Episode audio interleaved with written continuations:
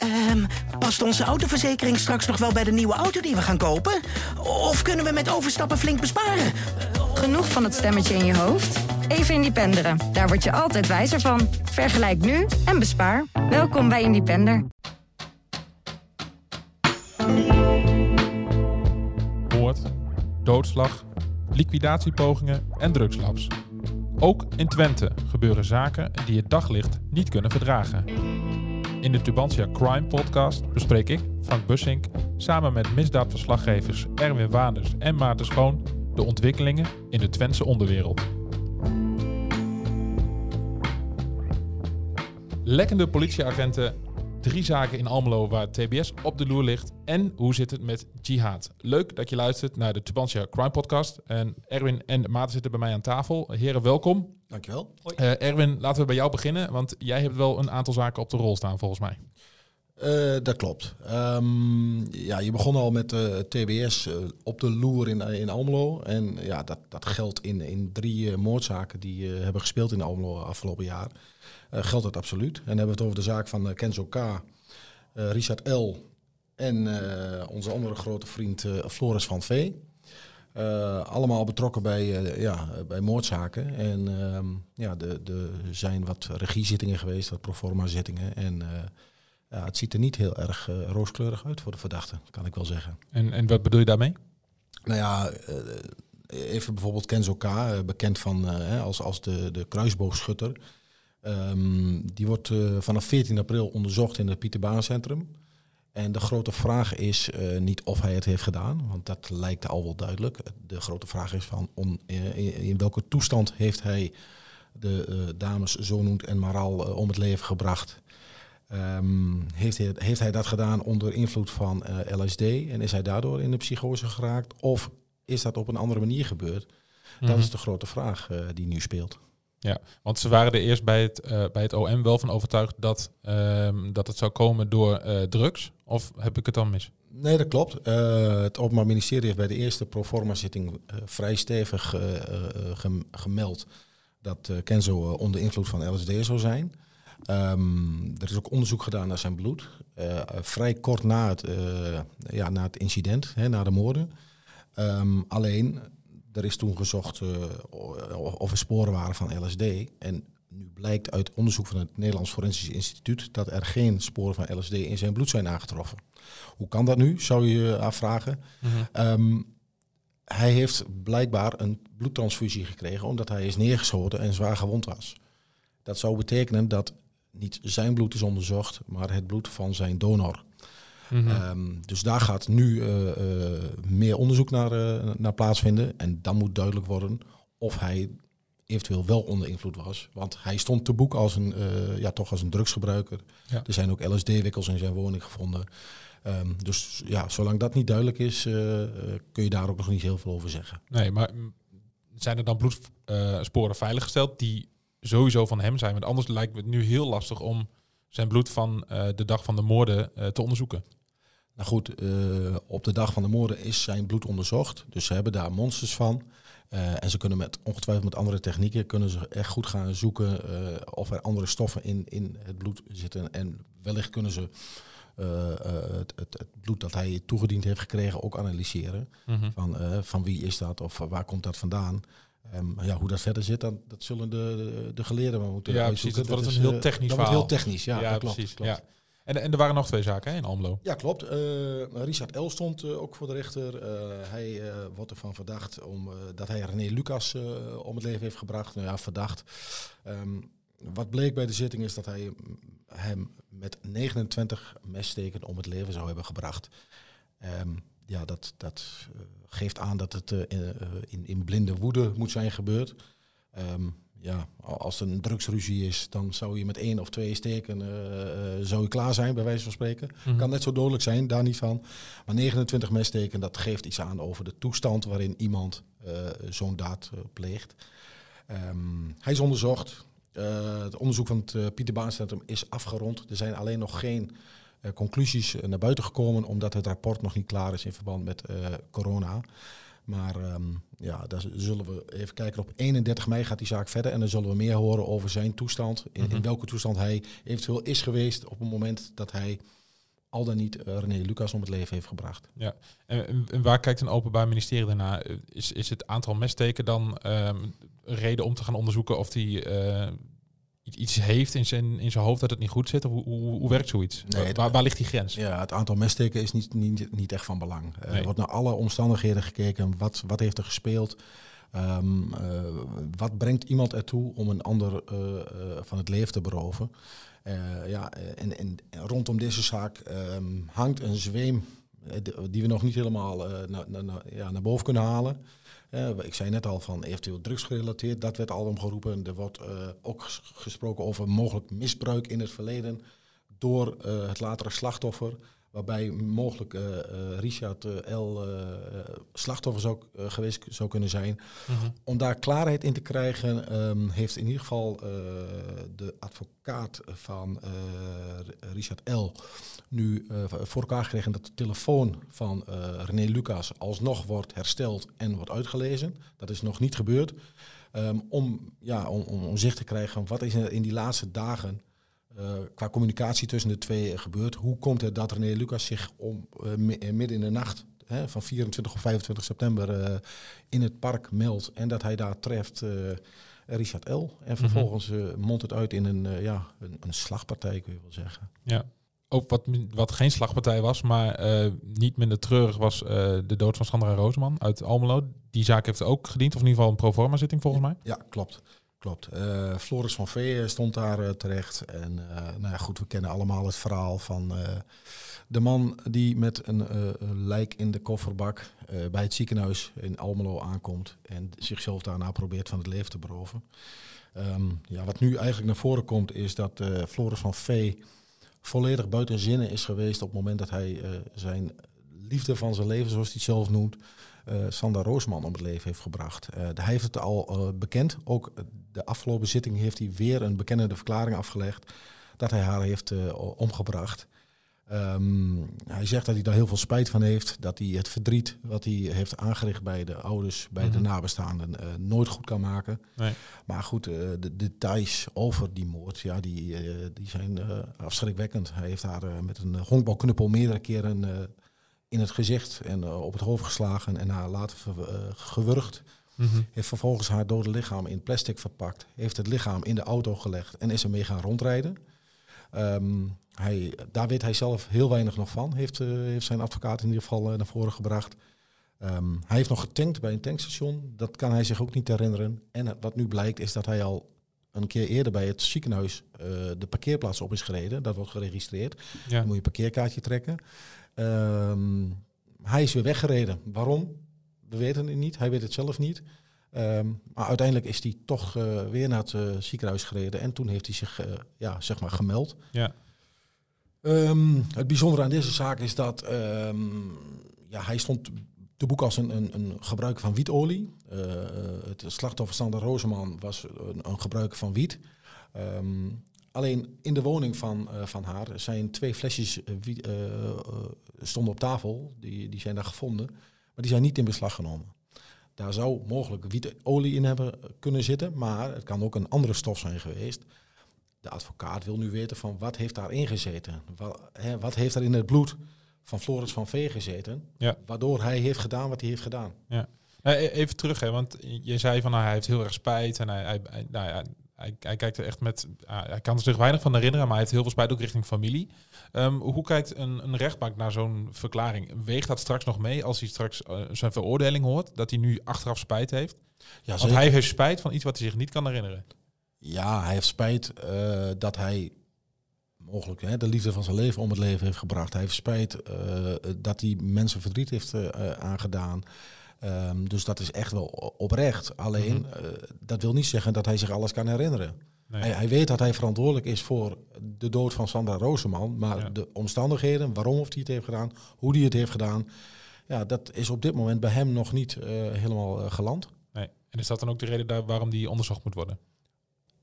Ja, om, ja uiteraard zou ik zeggen. Ja, ja. ja. ja.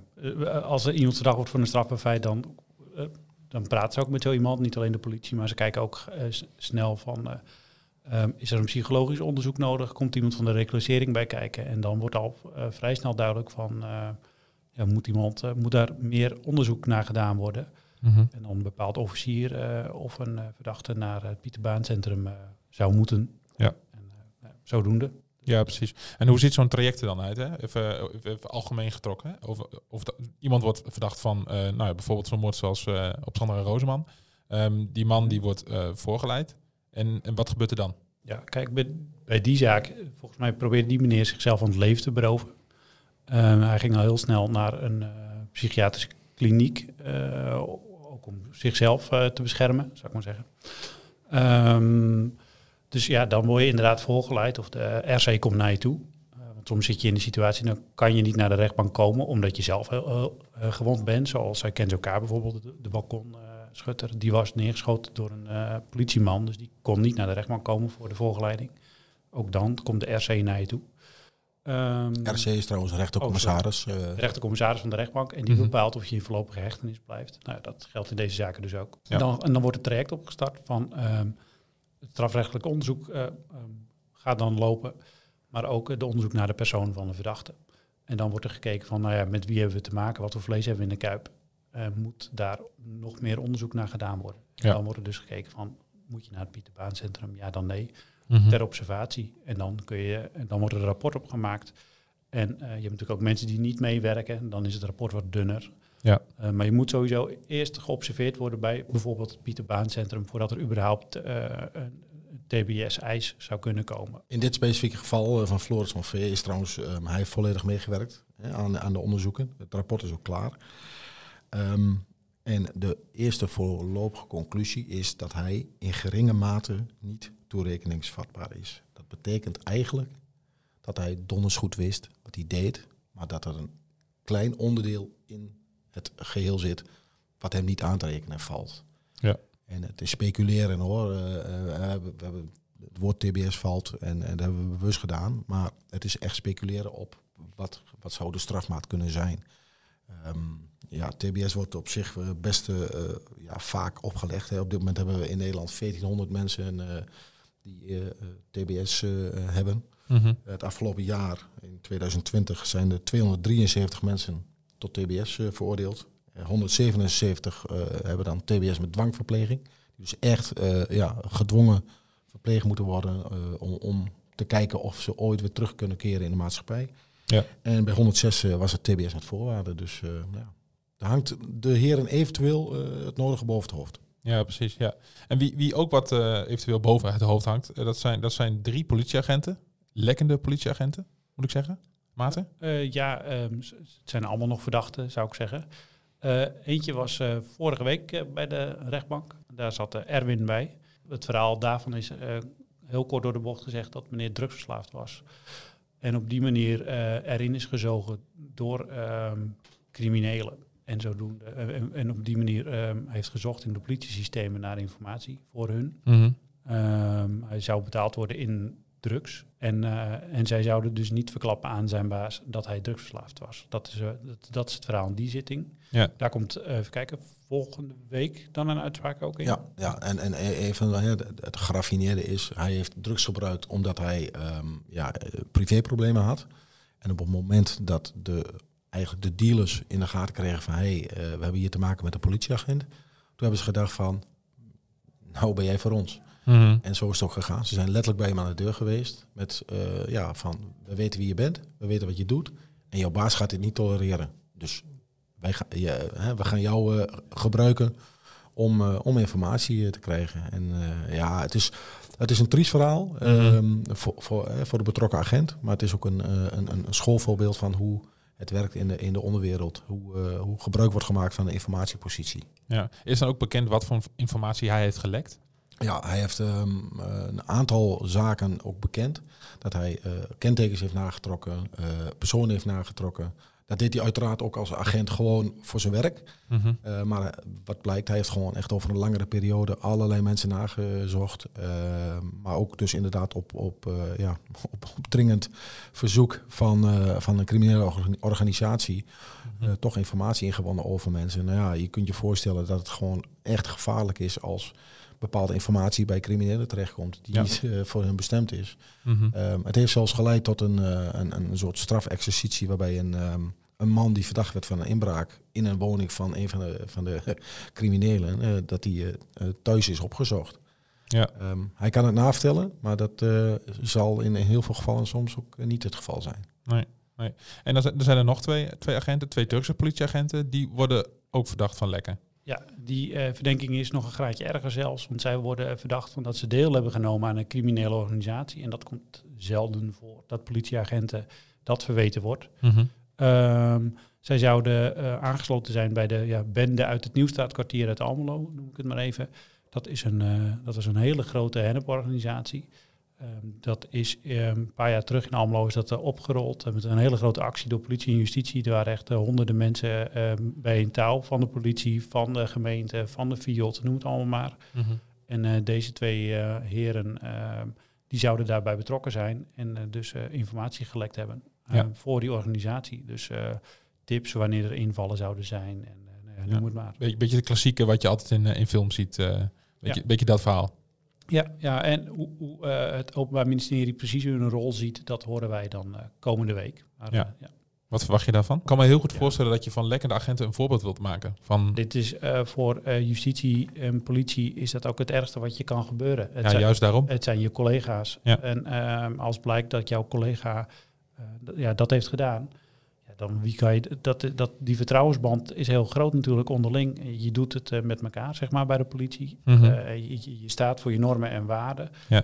Ehm, en en je, ja, je beschermt de maatschappij. Ja. En dan zijn er dus mensen in jouw midden die dat dus niet doen. Die dus achter jouw rug om in de systemen gaan zoeken en, jou, en het werk van jou of jouw collega's dus eh, ongedaan maken eigenlijk. En waardoor het, ja, de criminelen eh, daar voordeel bij hebben. Ja, dat is natuurlijk... De grootste nachtmerrie noemde de officier van justitie het vorige week bij de eh, Hengeloze eh, agent die had gelekt. Ehm, en, en misschien nog een, een voorbeeldje ehm, eh, hoe dat gaat. Informatie gaat, eh, in, ging in die zaak via de, de, de EncroChat. Hè, de, de, ehm, ja, de, de geheime, eh, eh, hoe zeg je het? eh, Ja, de versleutelde berichten. Versleutelde berichten. Ja. En ehm, wat bleek, de agent in kwestie heeft gewoon zelfs een foto van een briefing van de politie. Die wa- was binnen een minuut zichtbaar voor de criminelen. Waar dus alle gezichten van agenten op staan. Ja. Nou, je kunt je voorstellen dat eh, ja, dat is echt Dat is heel kwalijk. heel, heel erg kwalijk. Ehm, ja. als je de politie niet meer kunt vertrouwen, als je je eigen collega niet kunt vertrouwen. Nou, maar voor- vooral dat. En daarom zei ik ook misschien een voorbeeld stellen. Omdat je, je werkt als politie en je wil de maatschappij beschermen. Je bent een soort van ja, baken van veiligheid eigenlijk. en als dan iemand van je collega's lekt naar mensen die je eigenlijk wilt, eh, niet in je samenleving wilt, dan, Ja. dat moet een hele rare verhouding geven, ook op de werkvloer. Ja, je hebt de eet afgelegd. En, eh, Ja. en, en het is niet voor niets hoor. Ehm, de officier van justitie, het Openbaar Ministerie in dit geval, heeft er gewoon een onvoorwaardelijke gevangenisstraf geëist van drie jaar. Ja. Dus je, je moet je voorstellen, die man was eigenlijk bezig met het, het vangen van boeven, hè, zoals we het altijd zo mooi zeggen. maar met een beetje pech, of ja, ja, je kunt er bijna eigenlijk wel van uitgaan dat hij gewoon een, eh, de- een flinke douw krijgt. Mhm. Dan zit hij gewoon tussen de mensen die hij normaal gesproken van de straat af moest houden. Ja. Dus eh, ja, het is zeer, zeer ernstig. Ja, klopt. Als dit soort dingen bewezen worden, dan zijn eh, ook rechtbanken daar wel heel streng op. Ja. Ja, juist vanwege wat jij zegt, Frank. Ja, precies. Ja. Ja. Ja. Ehm, over de rechtbank gesproken. volgende week is de uitspraak in de zaak rond het drugslab in Vroomsoop. Ja, En daar zit jij bij. Daar Maarten. zit ik bij, dus ik ben heel erg benieuwd. Ehm, er zijn strafeisen tot vijf jaar eh geëist, zeg ik even uit mijn hoofd. Dus dat, eh, even kijken, tegen een, eh, de zaak draait om een eh, drugslab in Vroomzoop in een, in een sportschool. eh, hadden ze een eh, ruimte waar, volgens mij waren er paaldanslessen voorheen. En daar hebben ze een eh, drugslab in gebouwd waar crystal meth werd eh, gekookt. Mhm. Ehm, en in de afgelopen weken zijn de sportschoolhouder uit, eh, uit Twente. Dat is eigenlijk de enige echte tukker in deze hele zaak. De rest komt van buiten, zeg ik maar eventjes. Mhm. Ehm, en, en zijn vrouw, een vriendin, even kijken. En twee jongens uit Arnhem, die worden verdacht van het opbouwen en het bewaken. En eh, twee Mexicaanse koks, dus dan hebben we zes verdachten. Ja. Dus dat, eh, Ja, precies. Erwin, jij had, eh, de vorige keer had jij een, een, een tip gekregen over de vermiste jihad uit, eh, uit Enschede. Ehm, hoe, hoe, is het, hoe is het daarmee? Die zijn we nog aan het nalopen. Mhm. Eh, en meer kan ik er eigenlijk nog niet over zeggen. Oké. Ehm, maar ik roep wel luisteraars van deze podcast op. Hebben ze tips in welke zaken dan ook? Of hebben, willen ze iets met ons delen? Eh, benader ons vooral. Mhm. Eh, we zijn eh, overal te vinden. Op, Ja, op ik, ik, zal een, ik zal een mailadres ook in de, in de beschrijving zetten. Kunnen Lijkt, mensen... lijkt me heel verstandig. En mensen kunnen altijd eh, op een bepaalde vertrouwelijke manier met ons eh, spreken. Mhm, absoluut. Eh, mocht anonimiteit ge- gewenst zijn, dan eh, is dat eh, altijd bespreekbaar. Absoluut. En dan willen we even afsluiten denk ik, met, met, een, met een tussen haakjes leuk bericht. Want eh, er was een paard vermist, maar die is niet meer vermist volgens mij. Maarten. Klopt. Ja, en dat is eigenlijk ook dankzij tips. Ehm, het, de, de schimmel Talento, ja, het is eh, mooi nieuws. Ja. Die is er teruggevonden. De politie eh, was hem eh, op het, eh, die, die was hem kwijt. Die wilde hem eh, weten waar hij was. Die had massaal, eh, eh, massaal gedeeld bericht op Facebook geplaatst over de- waar is schimmel Talento. Hij was eh, gezien in Haaksbergen en eh, in Hengelo. Ehm, en hij is um, eergisteren gevonden in Nuenen, dat is in Noord-Brabant, dankzij een alerte eh, ja, tipgever die dus de Facebook-bericht heeft gezien. En dat, eh, nou ja, de politie was daar heel blij mee en eh, bedankt ook iedereen die heeft meegeholpen aan de zoektocht, waaronder eh, onze lezers. Nou, bedankt heren. Vond je deze aflevering nou leuk? Abonneer je dan op de podcast. En heb je tips of vragen naar aanleiding van deze aflevering? Check dan het mailadres in de beschrijving. Bedankt voor het luisteren en tot de volgende keer.